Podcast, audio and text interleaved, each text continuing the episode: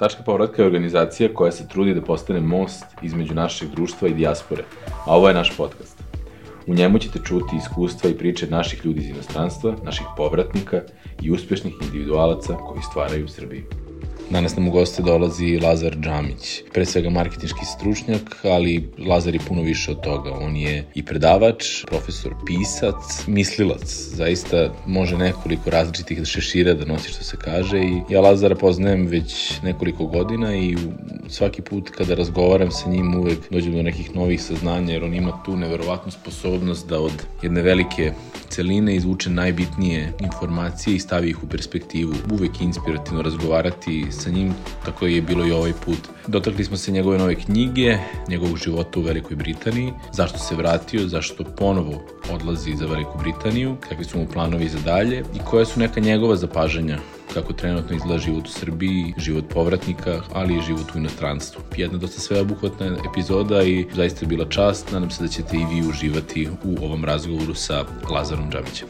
Lazar je stvarno dobrodošao. Hvala. O, ti si svakako bio jedan od e, prvih ljudi koje smo stavili na spisak kada smo nekako pokušali da oformimo kako su ti gosti koje želimo da dovedemo, ko su primeri i pravi primeri nekih cirkularnih migranata i e, nekako malo smo možda i sačekali da se da se i mi naviknemo na ovo što radimo, da možemo mm. te pozovemo i da ovaj razgovor obavimo onako kako treba, iako su se ovi razgovori dešavali onako i privatno i da. nekako na, na, u drugim nekim formatima, ali sada imamo još jedan, još jedan povod za koji možemo da te pozovemo i da, da, da, da, da te upitamo, a to je tvoja nova knjiga.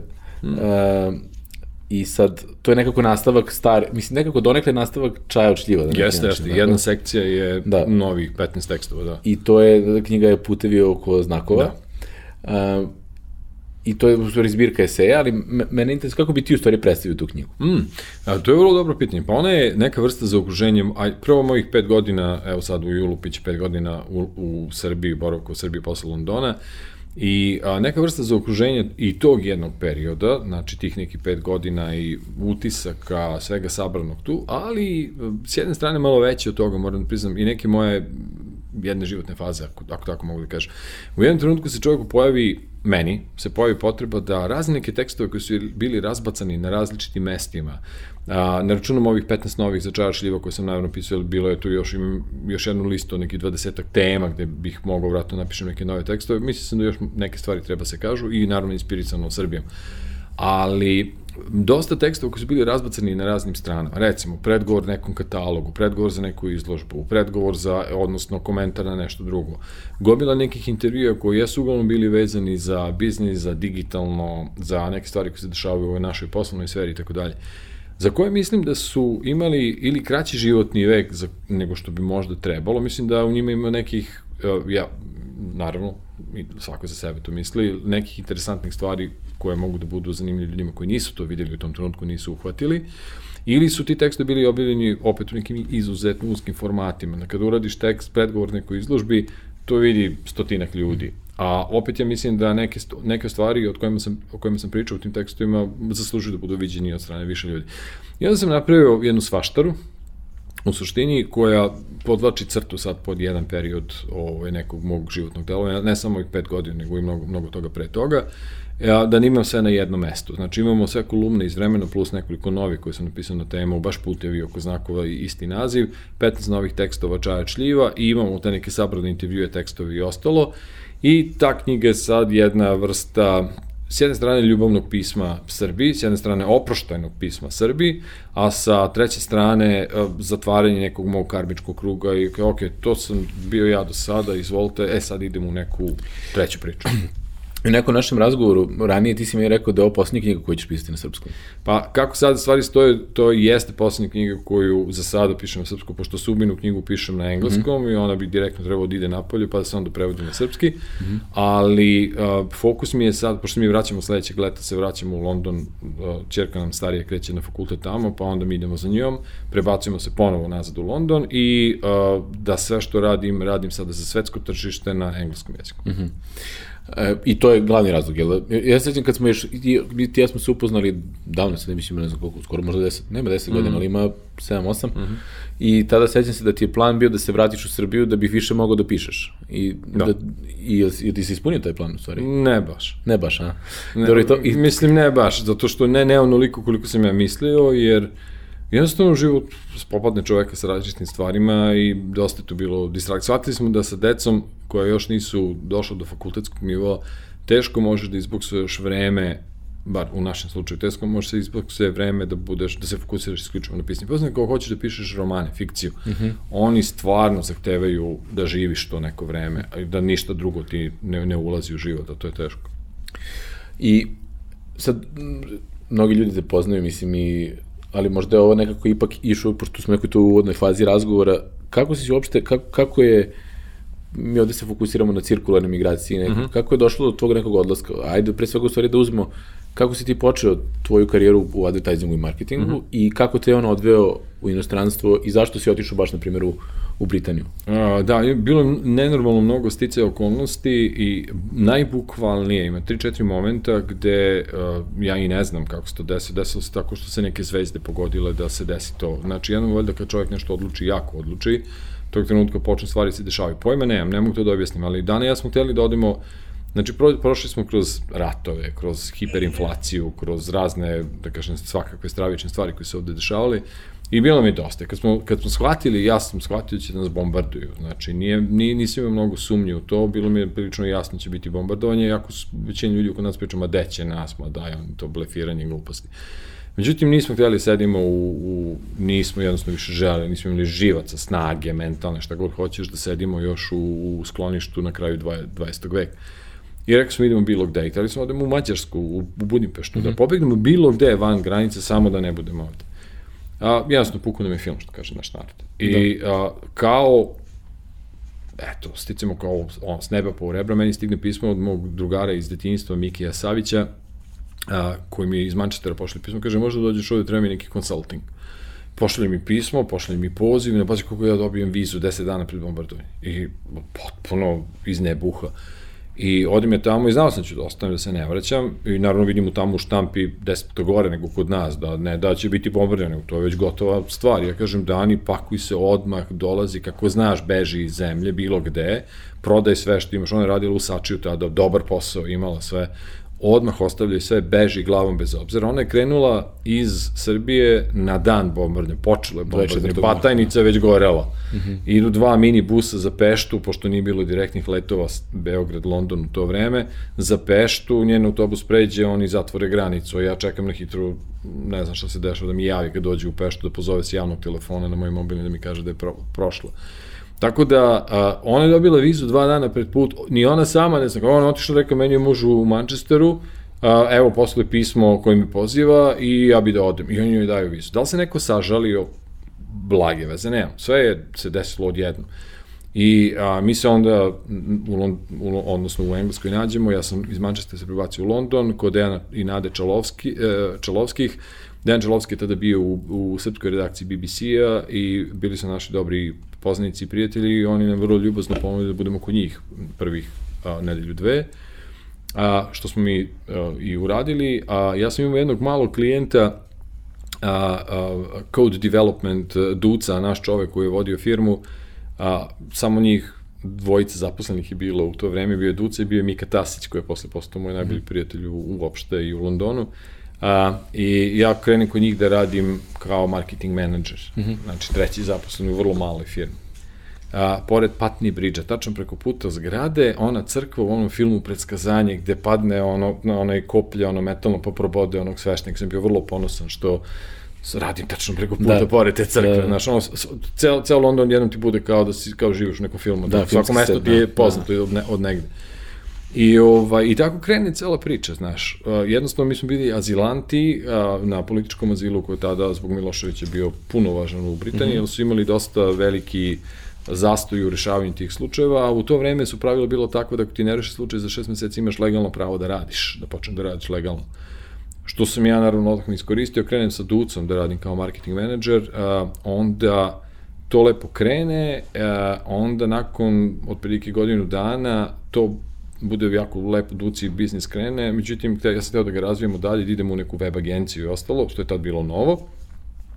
Duca nije bio zainteresovan i uh, o, ja, ja kažem raznim agencijama sa koje sam uspio da dovedem Duci, uh, kreativnim agencijama, da bi ja volio da menjam, da bi ušao u taj digitalni marketing. Jedno od njih mi ponudi posao i radnu dozvolu. I onda pređemo sa azila na radnu dozvolu, budemo u toj agenciji četiri godine, a, onda pređemo u drugu, onda sa radne dozvole pređemo na permanentni boravak, onda pređemo u drugu agenciju, već nisam bio onda vezan za određenu agenciju, mogli se slobodno da menjaš, I onda tako krene čitava priča. I to je to. A sve se to dešavalo tako da ja pojma nemam šta je bilo iza, iza, za dešavanje. Kulisa, da. Ja sam posle, te kad sam napisao tu agenciju, video pismo koje uh, home office uh, poslao engleski njihovom, njihovoj advokatskoj firmi koja je za mene tražila, ap, aplicirala za, za radnu dozvolu. A, to je pismo neke 3-4 strane je, da je ovo licko kroz igle na uši kažu ovo je neobičan slučaj, ali pošto su ovi jaka advokatska firma koja ima svog predstavnika, permanentnog predstavnika u home office-u, jedna od najvećih agencija u Evropi, to vreme kaže, ali u ovom slučaju napravit ćemo veliki izuzetak za vas. I tako. Znači, 3-4 situacije gde mi smo prošli kroz igle na uši, ali na najneverovatniji način sticamo okolnosti, ni sami nismo znali šta i kako, tek posle smo mi saznali kako se to izdešavalo. Nešto se zaverilo da nas izgura tamo. I ti si, vi, mislim, vi ste 17 godina 18 18, 18 i po proveli u, u Britaniji. Um, kako, do, šta, šta je u stvari vas navelo da razmišljate o povratku? Pa ja sam to nekoliko puta pričao, ima jedno 30 različitih da. stvari koje su doprinile tom mhm. odluci da se mi uh, premestimo uh, a, iz Londona u Beograd. Ali bukvalno 30 različitih stvari. I privatno, i poslovno, karijerno, šta se sa decom dešavalo u to vreme, šta se sa Londonom počelo se dešava u to vreme, cela stvar oko pripreme oko Brexita, promjena atmosfere u Londonu, Sr, promjena atmosfere u Srbiji, u mhm. Beogradu u to vreme, to je bilo baš ono vreme, idemo kao Evropi, otvaraju se poglavlja, stalno nešto novo se dešava i tako dalje. I s tih 30 stvari kad smo stavili na papir i podvukli crtu i rekli jel imamo rizik i da li nam na, izgleda na bazi svega što smo planirali da će nam život biti kvalitetniji u Beogradu nego u Londonu, izgledalo da jeste i bilo je tako. A, a to znači da smo imali vremena da se odmorimo pre svega, da izađemo iz korporativne priče, da se resetujemo mentalno, fizički, na razne druge načine, intelektualno, a, da postavimo potpuno novu platformu našeg života i dana i ja, u smislu da ne zavisimo više od kancelarije jedne firme, jednog posla, plate, da imaš širu bazu klijenata, međunarodnih, internacionalnih, ti bude sve jedno gde živiš, da li si u da li si u Bratislavi, da li si u Londonu, da, ti u, da li si u Beogradu, ti bude manje više sve jedno. Sve smo to uspeli da uradimo i deca su ovde dosta odrasla i opustila se, da tako mm -hmm. kažem. Znači, ovo je za moju stariju čerku to je bio prvi grad u kojem ona sama mogla da ide u grad sama da koristi gradski saobraćaj, sama da ide s društvom, da izlazi, da, da bleji i tako dalje. Prvi put je osetila samostalnost i sobstvenu odgovornost i tako dalje, što u Londonu mnogo komplikovanije da se uradi. Mm -hmm. Koje ti recimo najveće razočarenje prilikom povreda? Vi za pet, pet godina ste ovdje i šta ti najviše recimo, šta te najviše razočaralo?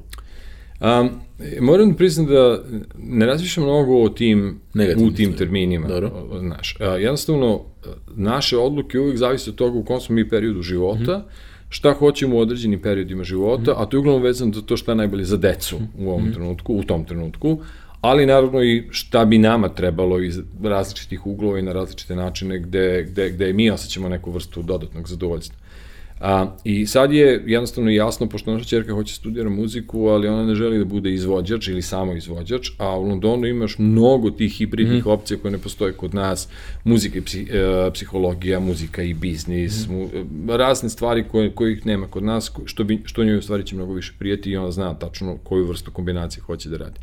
Znači, to je glavni razlog. A uz to sad postoje razni drugi uh, privatno civilizacijski razlozi, postoje, postoje jednostavno čist vazduh u kraju u kome smo živeli, to je kao da živiš u salati zelene, znači prepuno zelenila, čisti vazduh, Greenwich Park je 10 minuta hoda od toga, vraćamo se u isti kraj gde smo mm. živeli, 10 minuta hoda odatle, imaš čist vazduh, imaš predivnu prirodu oko sebe i tako dalje, ne možeš se bakćeš sa vazduhom ovde, ne zavisiš od gradskog saobraćaja i tako dalje, ideš tu po kraju, ideš peške i ako treba da odeš negde dalje, odeš odvezeš se i tako. Ima, ima dosta opet razloga 20 30 koji nas polako, ne polako, koji su nas odgurali sada kao ovoj odluci. Ali koja je razlika recimo sada, tada kažeš, evo recimo da prilikom prvog odlaska je to nekako bilo sve možda nekako intuitivno i nekako kroz iglene uši. Sada u principu ti znaš da se vi vraćate, ti mm -hmm. znaš u koji igra, sve, ti taj, da. Sve je poznato, da. A šta misliš da će biti drugačije? Pa vidi, nema idealne zemlje, svaka ima svoju patologiju, mm -hmm. to znamo sada. A, bilo gde da odeš, bit će neka, neka patologija, ne, apsolutno ne postoji idealna zemlja, samo je pitanje koja ti patologija više prijaju u određenom trenutku. Mm. Znači, i tu smo isto spremni da prihvatimo sad njihove tamo patologije, a da napustimo ove naše. A, a, imaš mnogo više kontrola nad svojim životom tamo. Mm -hmm. a, sve ti je brže, sve ti je lakše, sve ti je jednostavnije. Administracija je drastično manja nego ovde. Mm -hmm. a, da bi krenuo da radiš privatno, da ne plaćaš, ne moraš da osnuješ firmu uopšte, za razliku od nas. Nemaš baktanje s birokratijom. Sve se radi online. Nema fi, ne postoji uprava prihoda koju fizički možda uđeš u, mm -hmm. u mhm. Britaniji. Mm -hmm. A ne da treba, nego ne možeš da uđeš. Ne postoji zgrada, postoje dva call centra. I to je to. Sve, sve je mnogo brže, sve je mnogo jednostavnije, sve je jasnije da postavljeno da se jasnije shvati da se brže odrađuje biznis im je mnogo bitniji nego nam. A, jedna i druga zemlja nemaju baš neku žel, veliku želju da a, više zvanično idu u Evropu ili budu deo Evrope, samo što tamo oni nemaju izbora, oni moraju da rade biznis sa Evropom i polovina zemlje i dalje jako proevropski orijentisana i imaš evropski feeling da go da se mrda što više nije slučaj kod nas. A, takve neke stvari. Jednostavno, postoji jedna jednostavnost i lakoća života i imaš mnogo više utisak da imaš kontrolu nad svojim životom, da ne govorim o drugim nekim stvarima što na sreće nisam ovde tome izložen, ali teško ćeš ti tamo da se popneš na bilo koju stepenicu, stvarno nisi dobar u nečemu što radiš. I ako nisi timski igrač, i ako ljude oko sebe ne tretiraš sa makar nekim minimumom pristojnosti i tako dalje red, nećeš imati šefa koji će pripadati partiji pa da ti od njega zavisi mhm. nešto. Pa ne, da bi ti dobio poziciju moraš se učlaniš u partiju. Toga jednostavno nema tamo. I to je jedno, ja mislim, dosta veliki razlog zbog čega mnogi ljudi idu, ne zbog toga što će tamo zarade više para nego ovde. Naproti, ovde možeš zaradiš na razne načine više para nego u Londonu, nego ove druge neke stvari. Hmm. Na šta isto, recimo, pričamo sad o tvojoj nekoj odluci da odeš, a ti si recimo, ono što, što ja znam da si ti godinama uh, uticao na, neke od najvećih brendova kroz neke najveće kampanje, uh, kampanje kako da da utiču na svoje korisnike i kupce da donesu neke odluke. Šta misliš da su, i sad si se malo donekle dotak toga, ali šta misliš da su glavni razlozi za, e, za odluku, za odlazak iz Srbije, ali i za povratak? Kako misliš da se te, ti mislioni procesi kod naših ljudi koji emigriraju i kod naših povratnika dešavaju? Pa ono što sam video iz iskustva, uh, ima možda dve dve situacije, možda bi moglo da se svrsta u dve situacije.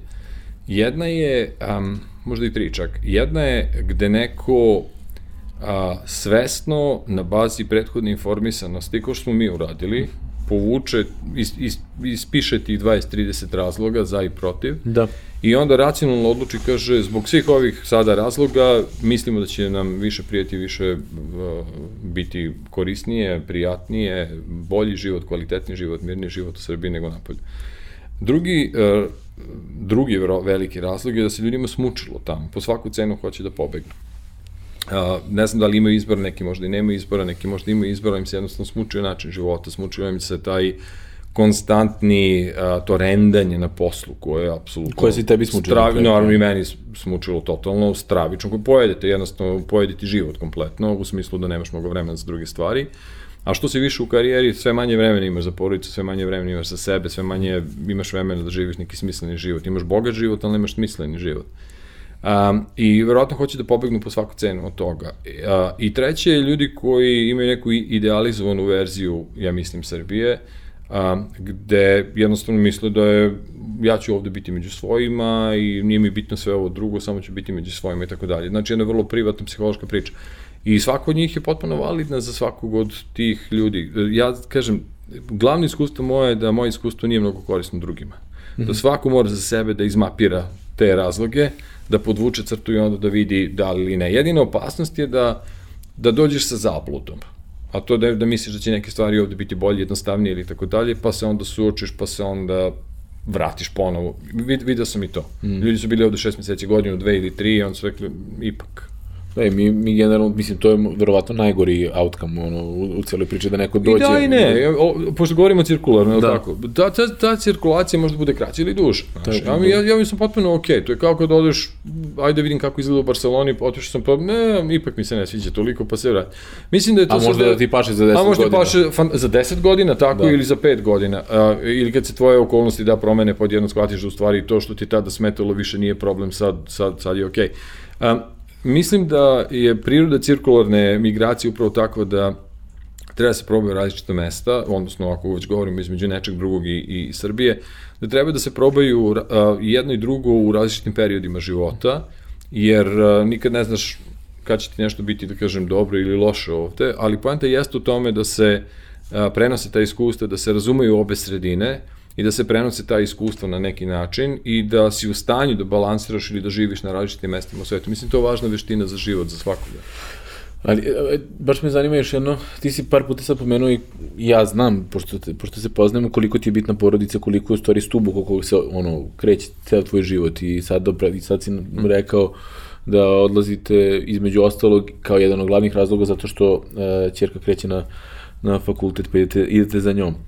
Um, da, da li misliš, i kada govorimo opet o cirkularnoj migraciji, da li misliš da će recimo tvoje ćerke možda živeti ponovo nekad u Srbiji, da li bi voleo to? A, to, to, je, to bi bila onda njihova odluka, da. iskreno. Tu, tu ne bih mogao mnogo da se meš.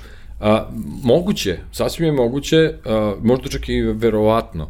A, to je odluka koju će oni da donesu kada bude bilo vreme da tu odluku Da donesu. pitam te između ostalog što si rekao da si da je jedino jedino poruku koju imaš to je da da tvoje iskustvo nije primenjivo na drugi na drugi ljudi jer je to samo tvoje Uključit ću moju iskustvo. decu. I mi, O, i, i, pošto oni imaju drugačije, drugačiji su karakteri, drugačije interesovanja, drugačije struke i sve ostalo, jednostavno a, može lako da se desi da jedna od njih, recimo Mara Mlađa koja je izvaredna mm. za montaže, za vrlo je kreativna u tom nekom vizualnom smislu, ja tačno vidim i ona može ovde da napravi trilateral neki drugi mm -hmm. i da živi fantastično u Srbiji, uh, iako je potpuno se osjeća kod kuće i u Londonu. A, zašto da ne? A, moguće, je, sve zavisi od toga šta čoveku smeta, šta mu ne smeta u određenoj sredini, koje su to patologije koje, s kojima može da živi, koje su to patologije s kojima u određenom trenutku ne može da živi, pa mu je previše, ne može da podnese više to, pa mu treba neka druga sredina. Jako individualno. Mm -hmm. Potpuno, lo, mo, možda ćemo mi za 5 ili 10 godina se ponovo prebacimo, vidjet ćemo. ali imate neki tu plan? Pa, mi smo naučili da živimo. Da. Pa ćemo da vidimo. Znači, ako se neke od stvari uh, sklope ponovo na drugačiji način, ako neke od stvari koje ovde nam trenutno ne prijaju se promene, a, nije isključeno, a opet nije isključeno da odemo u neku treću zemlju. Posebno govorim kada deca, kada devojke se osamostale dana, ja možda završimo negde pored mora ili u nekoj potpuno petoj zemlji zbog nekih drugih razloga. Mm -hmm. I, I sad, mm, zanimljivo, ti si sad nekako iz različitih uglova, ljudi te poznaju i kao pisca, poznaju te kao predavača, profesora, kao konsultanta, kao marketinškog stručnjaka. E, kako, kako izgleda, i sad, pritom sad ti govoriš o nekom odlasku i o radu na nekom globalnom tržištu. Kako izgleda tvoj dan? Stvari, šta si, kako, si, kako ti sebe vidiš kao profesionalca? Šta su, koje su to... Sada ili... Sada, da. Fu, a, Oh, profesionalca, rekao bih onda isključivo u smislu treninga. Pošto ja ne radim consulting, kad sam napustio London, tad sam prestao da radim consulting, uh, samo treninge i predavanje. Znači, ako govorimo o profesiji prenošenja znanja, to će sigurno biti veliki deo moje priče i u budućnosti. Veliki deo. To, ja volim to da radim i uh, jednostavno sumnjam ću stati s time, jednostavno volim to da radim. Drugo, smatram da današnjem svetu baš treba malo više dobrog objašnjavanja. Mm -hmm. Živimo u jako komplikovanom, paradoksalnom, zbunjenom svetu i mislim da svakako može malo da pomogne da smanji tu količinu zbunjenosti i, i, i anksioznosti i tako dalje. Na neki način čak ima još i društvenu misiju, znaš, o tom. Da. A, a kako to sada izgleda, uglavnom svakoga dana predavanja, treninzi, predavanja, treninzi različitih vrsta, A, umeđu vremenu u porodice i ono što stignem da pomognem oko, oko, oko porodice, oko dece, razvoziš, ili tako, na hip-hopove, a, ideš u, u kupovine bakaluke i sve druge stvari koje su vezane za porodicu. I ono što ostane onda od vremena, to je čitanje i pisanje. A, trenutno više čitanje nego pisanja. A, znači neka vrsta kreiranja, stvaranja mojih, mojih stvari ili pomaganje samim sebi da razumem ovaj svet malo bolje. To je moj dan. Mm -hmm. Znači, on je u odnosu na London, to je luksuz neviđenja. Mm -hmm. I kako će se recimo na tvoju profesionalnu karijeru odraziti ovo preseljenje? Pa ja ne, ne razmišljam, nemam profesionalnu karijeru u smislu, a, ako je profesionalna karijera okay, predavanja, okay, da. onda sam postavio platformu. Znači ja sad trenutno radim za jednu veliku konsultatsku kuću, radim njihove, oni imaju kao mini MBA, uh, Price Waterhouse mm -hmm. imaju svoju mini MBA kao akademiju, U okviru toga ja držim marketing modul i to se dešava u 10 zemalja u centralnoj istočnoj Evropi. Meni je potpuno isto da ja letim u Bratislavu iz Beograda i iz Londona, da. a sad se sve radi online svakako, znači nema nikakve promene. Imam nekoliko engleskih klijenata koji, koji su kao konsultanti koji imaju svoje neke ergele klijenata, za njih radim te treninge, verovatno će se opet raditi online, možda će se raditi face to face u Londonu, vidjet ćemo. I onda imam svoje korporativne klijente, nekoliko korporativnih klijenata u, u Srbiji i u regionu, pojedinačne, uglavnom su to veće firme koje rade internet treninge, ali opet zbog korona i svega ostalog, većina stvari se radi online, nije mi problem da dva i po sata doletim iz Londona, odradim dva dana treninga za redom pa da se vratim, to je potpuno normalno u tom nekom svetu. Taj deo se neće mnogo promeniti.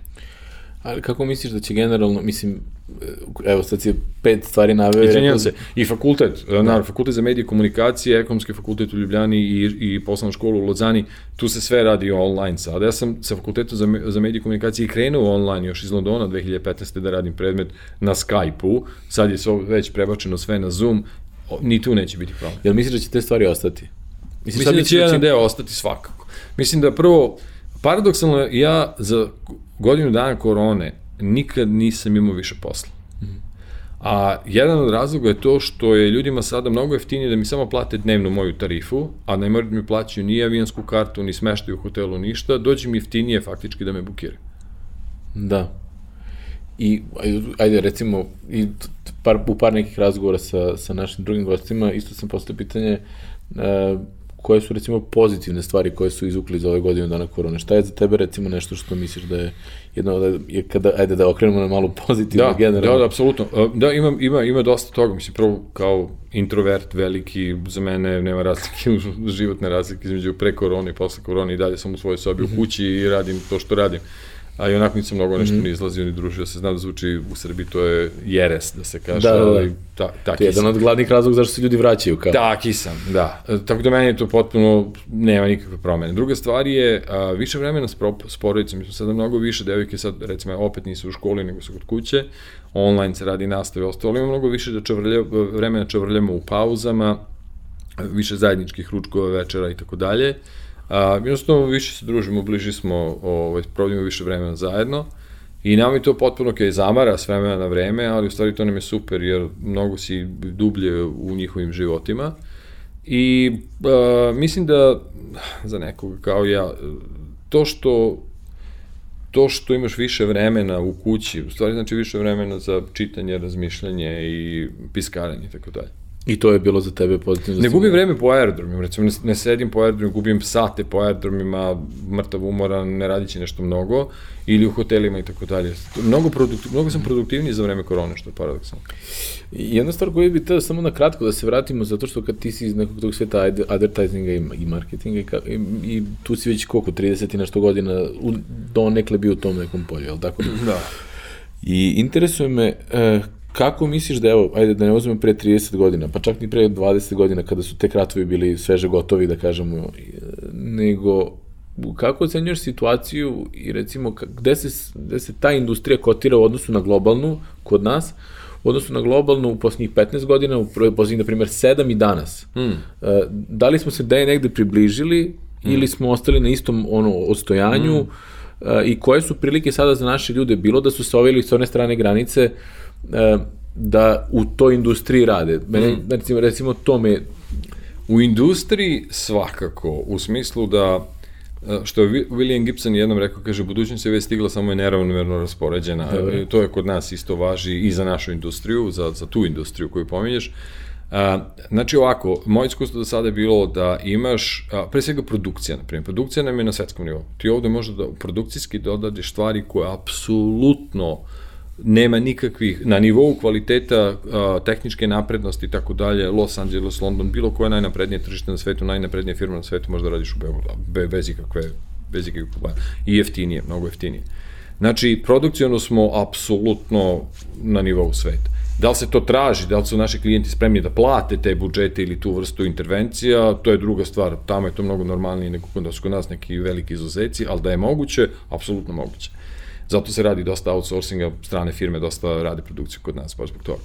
Što se tiče samih kreativno-strateških priča, i tu je dosta mešana stvar. Znači, koliko god da je u vreme Žozefa Lončara, Dragana Sakana, a, Ive Laurenčića i te neke a, plejade naših a, ono, zlatnog doba jugoslovenskog advertising, da je istraživanja i strategija u stvari bila dosta značajna. Danas sam primetio da manje ima toga, da se više ide u egzekuciju. Klijent kaže neku želju, a onda ovi skaču odmah i donose mu ideje. Taj deo, središnji deo strategije dosta fali. Ali opet, recimo, viđao sam primere agencija koje rade strateške, strateško razmišljanje i procese i postupke koji su potpuno isti kao u Londonu. Mm. koje sam, kroz koje sam ja prolazio i koje sam ja koristio. Znači nema nikakve razlike u načinu na koji razmišljaju, načinu na koji rade i kvalitetu outputa koji dobijaju. Vidio sam, ne, nisam mnogo, ne, nisam mnogo u priči, čak i mnogo se ne družim s ljudima iz industrije, ali s vremena vreme mi dođe po neki, neka prezentacija, dođe mi neki deck, dođe mi neki pitch deck i tako dalje, čisto da pogledam. I znam da ponekad sam rekao, wow, ovo je bio odličan pitch deck u odličnoj agenciji u Londonu. Znači, ima tih centara izvrsnosti, ali mislim da su neravnomerno raspoređeni i ima ih manje nego recimo na nekom standardnom nivou nego napolje. To ti pitanje... Ali to je sad šansa da, za naše ljude. Da. Jer ako si dobar u tom nečemu što se traži, a, ti ćeš imati šanse da, da ovde dobiješ posao. Ma, to, to ti pitam, recimo, zato što mi smo radili neko istraživanje u kome smo a, izlistali razloge za emigraciju i jedan od glavnih je ono, u napređenje svoje karijere, da odlaze zbog nekog, ajde da kažemo, prilike koje ovde nemaju, ali isti mm -hmm. razlozi su za povratak, znači, mm -hmm. to jest, ljudi razmišljaju, ako imaju neke poslove u inostranstvu, uh, kažu, vratio bi se u Srbiju ukoliko bi mi se ukazala dobra karijerna Jasne. prilika. Tako da razlozi za odlazak i za povratak da, manje više u, u, u glavnici su isti. Tako je. Tako. I zato te onda recimo, mislim, verovatno je... U toj industriji postoje. Da. I, ne, i sa jedne i sa druge strane, tako druge da u, bitno da. samo ugrabiti priliku. Tako je, tako je. Znači, ljude koji razmišljaju slično kao ti, pre svega imati uh, imati kulturu razmišljanja koja je slična. Mislim da je to u stvari najveća razlika. Uh, kult, uh, kulturno je drugačije. Rekao si da sad kad odlaskom u London da, i, i u, u tom kontekstu da će da, da, da si više gospodar svog vremena donekle. Uh, šta će ti recimo faliti iz Srbije kad odeš? Šta, šta znaš za sada da će ti faliti? Ha, um, jednostavnost Beograda, u smislu da u odnosu na London, Beograd je nenormalno je, i jednostavan za snalaženje. To znači, većina stvari koje meni trebaju na dnevnom nivou, uključujući poslovno i tako dalje, 20 minuta hod od kuće, a čak i preći pre, preko mosta do Novog Beograda je 10 minuta u taksiju. Da. Ta vrsta jednostavnosti kretanja po gradu, odnosno a, vladanje prostorom, to ne postoji u Londonu. To je, ta, to je tamo je noćno, tamo ti 45 minuta, šta god da ti pade na pamet, od 45 minuta do sat i po da bi bilo gde stiga. To će mi faliti pre svega. Um, a to što novac, isti novac u Srbiji mnogo duže traje nego u Londonu. Znači, isto da zarađujemo sve, da bude potpuno isto, e, taj novac u Londonu će morati malo pažljivije da se troši a, nego u Beogradu. I otprilike to je to. Naravno, bliskost prijatelja i rodbine. Ali, mislim, prijatelji su i tamo negdje ostali, negdje koji ti, Ima kojima tamo, se raduješ. Što je tačno, da. da. Um, imamo neko segment pitanja koje postavljamo uh, svim, svim našim gostima, od, od poslednjeg, nismo od početka to počeli, nego neko razvija se ovaj podcast pa nekako ima uh, ima nekih, nekih, da kažemo, napredaka. Jedno od njih je uh, da možeš nekim magičnim štapićem da napraviš jednu promenu u srpskom društvu i da sutra to svi prihvate zdravo za gotovo. Znači, da sutra se probude i svi kažu, ono, ovo, ovo prihvata, prihvatamo zdravo za gotovo. Koja bi to promena bila u društvu koju bi, koju bi ti tim magičnim štapićem Um, jako sam problematičan sa takvim pitanjima. Ne, ne radi mi mozak na taj način, mm -hmm. pa to ti, ali... Um, kad bi... Ako hoćeš, mogu ti postaviti drugo pitanje, pa da ti... Jako mi je teško da, da, da ja, ja bih rekao jedna stvar, ali to opet sve u mojoj glavi to povezano kao paukova mreža, baš mi je teško da govorim to pitanje. Uh, jedina stvar je najveća stvar za mene bi bila ako bi imali taj čarobni štapić, probudimo se svi ujutru i da shvatimo da nismo najpametniji na svetu. Dobro, to je dovoljno, to je dovoljno, da. Jer onda gledaš šta drugi rade i počinješ da na neki način kopiraš Copy i with pride, ono, ono, da. Da, da, da, kopiraš ono, pa sve je već izmišljeno da, da. se razumemo. a, mi ne primenjamo 1% onoga što se u svetu dešava u različitim, mm -hmm. u bilo kojoj oblasti našeg života. 1% ne primenjamo, kamo li više. I ti kad pogledaš šta bi sve mogli mi da uradimo da svoje živote napravimo ovde, društvo, državu, institucije, na individualnom nivou, da nam život budu lakši, kvalitetni i ostalo, to je Boga oca, ali nas to ne interesuje. Samo treba pregledamo preko horizonta malo. Ali i ne interesuje iz da, mnogo drugih razloga da. koji zahtevaju Dugo veliki, višnje. veliki čarobni štatić. Da. da. Drugo, jedno pitanje koje ovo isto postavljamo jeste, a to je baš zanimljivo za tebe, jeste koju e, koju knjigu si najviše puta poklonio drugima, znači, mm. a da evo recimo u ovom slučaju to onda nije tvoja. Da nije moja. Vrlo zanimljivo isto pitanje. E, a, pošto trenutno šaljem u elektronskoj formi na najjednostavnije, a neke od tih knjiga nisu ni dostupne, nisu još prevedene kod nas. Verovatno bi bila, e, dobro, Kanemenovana misliti brzo i sporo, koja je u srpskom prevodu, a na engleskom uh, najčešće šaljem Neil Postmanovu zabavljajući se do smrti, Amusing ourselves to death. Da. Uf. Tu naj, najviše delim s ljudima i uh, verovatno Joseph Hitovu uh, pro, prosvet, prosvećenje, prosvetljenost 2.0, Enlightenment 2.0. Te dve knjige na neki način jako lepo sumiraju moderni svet, zašto nam se dešava sve što nam se dešava i dobra su baza i podloga za pravljenje planova šta uraditi na tu temu. Dobro. I to je to. Hvala ti puno. E, Nama je baš značajno da ovako nekako rastresemo ove neke teme i živo, e, ovaj, tvoj život nekako približimo život nekog ko je bio i povratnik i ponovo sad i seljenik e, drugim ljudima, da nekako dođemo do nekog tog dijaloga kako realno izgleda živeti uh, u inostranstvu, kako izgleda vratiti se, da bismo, mi, mi sva to, znaš i sam da nam je taj diskurs vrlo bitan. Da, naravno, i uvek ponavljam tu istu stvar, to je izuzetno individualno mm. sve. Zaista ne postoje univerzalna pravila za sve, čovek mora da sedne da dobro napiše, da dobro porazmisli šta je to uh, što mu tamo ne prija ili prija, šta mu mhm. ovde, ako zna uopšte prija ili ne prija, da jednostavno podvuče crtu i da kaže ovo se, u ovom mom periodu života, ovo su stvari koje sam spreman da tolerišem, ovo su stvari koje mi stvarno trebaju, i da na bazi toga onda donese odluku i da vidi kako ide. I, a, a te stvari se menjaju sa različitim fazama života. Tako da ja mislim da za ljude kao što za moju porodicu i, i, i slične porodice, koje stalno negde evoluiraju i tako dalje, Biće tu različitih odluka tokom života. O, otići, o, odlaz, odlaženje, vraćanje, odlaženje ponovo i tako dalje. Ja samo znam da, ono, e, da nekako mi, e, ja sam bio jako, kako kažem, postaknut i nekako motivisan tvojom, kada, kada si ti odlučio da se vratiš, ja sam nekako lično to doživeo kao neki mali triumf. Iako tada ni ovo nije bio projekat kojim sam se bavio, nego nekako da se takvi ljudi poput tebe kvalitetni vraćaju i da uložu svoju energiju i znanje i ovde, a da ostaju globalno relevantni. I onda je, um, sad mogu samo da kažem da, da se nadam da je ovaj odlazak takođe donekle privremen, jer nekako uh, nadam se da će naše društvo, a i moje lično okruženje biti bogatije uh, čovekom kao što si ti. Hvala ti mnogo na tome, vidjet ćemo šta se dešava. Mislim da danas uh, geografska, paradoksalno je i dalje geografska blizina dosta znači, ali toliko smo sada ispovezani na, na ove virtualne načine mm. da uh, iskreno, sem ovog fizičkog kontakta, ja nisam uvek baš dobar u tome, Uh, ta razmena znanja, iskustva i ostalo, to se već dešava, to znamo. To da. Ljudi iz dijaspore stalno pričaju sa ljudima ovde, stručnici odavde pričaju stalno sa svojim kolegama, prijateljima, našim ljudima koji su vrhunski stručnici u svakoj oblasti. Mi imamo među prvih pet, imamo neko od naj, najvećih imena mm. na svetu. Uh, oni već pričaju, pojent u tome šta s time može se uradi ovde, to je ona velika stvar. A ta neka, taj neki transfer znanja, iskustva i ostalo, on se već dešava i on već, već, već postoji.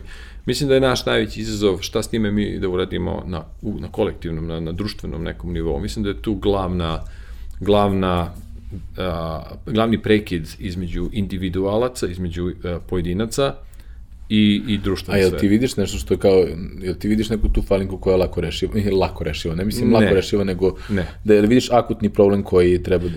Vidim dosta akutnih problema, ali ne vidim lake načine za rešavanje. A to počinje od toga da nismo najpametniji. Treba da prihvatimo da nismo najpametniji. To je jedna stvar i druga stvar je to veliko pitanje, a kome to ovde treba? Mm -hmm. Kome to ovde treba?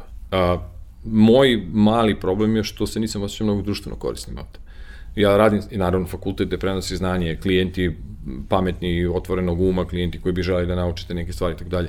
A na nekom društvenom nivou ne, ne mnogo. Nisam... A misliš da će se to desiti u Britaniji kad ponovo odeš ili misliš da tamo nemaš dovoljno povezanosti? Tamo već ima mnogo ljudi koji to rade, to je, to je problem. Ta, oni ne zavise od mene da bi ja to njima nešto mnogo radio, oni već imaju mnogo svojih ljudi. Postoji prvo, postoji jaka opozicija, da. postoji ogroman front a, građanskih front, a, građanskih institucija, organizacija, nezavisnih organizacija koje su zajedno, koje se bore za određene stvari, uprko svemu što se tamo dešava, ti vidiš kako se neke stvari pomeraju. Vode se diskusije koje se kod nas ne vode. A, predlažu se zakoni, propisi, pritiskaju se kroz razne lobističke građanske mm -hmm. grupe da se neke stvari menjaju. Tako da, ti vidiš da postoji aktivnost. I vidiš da postoji neka nada. Ja mislim da je naš glavni problem to što nemamo taj feeling više. Tu se stvarno donekle donekle se tu, mislim, slažem se tu sa tom, nego meni, kada si rekao tu individualnu stvar, da je to da te se ti nisi osjećao društveni korisnim mm. ovde. Da. Sem tam, ovog, ovoga, ovih predavanja i ostalog, ali a, u nekom širem društvenom smislu. Pa ja tamo... Tamo, ćeš, tamo kažeš nećeš morati, ali ni tamo ne, nećeš, ćeš se tamo uključiti nekako... A, a, opet kažem, ja tamo idem kao, kao neko koji je original došao iz Srbije, oni već imaju svoje razvijene kadrove. Aha na najrazvijenije tržište na svetu. Ja ću se svakako uključiti i opet kroz edukaciju i tako dalje, pošto nema namere da radim bilo što drugo. I naravno kroz pisanje tih nekih drugih stvari ću da, dati svoj doprinos nekoj um, na, nacionalnoj konverzaciji ili civilizacijskoj konverzaciji tamo. Jedino što imam utisak da će tamo imati malo više ušiju za slušanje kada da. o tome govori. Ali ne samo to, čak i ovde ima ljudi naravno koji hoće da, da, slobom, da čuju te stvari. A, posle se pitanje a, mogućnosti akcije i delovanja a, i to je ta neka, ja mislim, najveća razlika što tamo ti ipak vidiš određene platforme gde, koje se i dalje bore, ljudi koji, dosta veliki broj ljudi koji se i dalje kopaju da, da baš ne, ne puste prostor, evo lošim momcima onako totalno da vladaju tim prostorom, vidiš neku nadu, vidiš neku kredibilnu alternativu. I mislim da je to jedna od, od većih raz, razlika. Ima li kod tebe straha s obzirom da odlaziš tamo da je Brexit promenio to? Jeste promenio, a, da, promenio je i menja, ali sporije to ide, naš, nego a, svi su mislili da će to ode doći vola mnogo, mnogo brže. Međutim, ti vidiš, milioni ljudi se organizuju u kontraproteste, milioni ljudi dalje pritiskaju, lobiraju, idu od vrata do vrata, tamo kad dođeš do vrata do vrata pa kucneš pa nekoga probaš da ubeđeš nešto drugo, neće ti udari odmah u nos, kao kod nas. Neko će da priča, možda će se svađati s tobom. Malo drugačije se vodi ta konverzacija. Tako da ljudi dalje deluju, trude se i taj napor je malo vidljivi. Da. Lazare, hvala ti puno na, na gostovanju. Hvala i Želim ti puno sreće tebi i celoj porodici u, u, ovaj, u odlasku i nadam se da se stvarno vidimo u nekom, i u nekom povratku. Znam da ćemo se ovako nekako je, na negde u sredini uhvatiti kako god. Sigurno će biti prilike. Hvala još jednom. Hvala.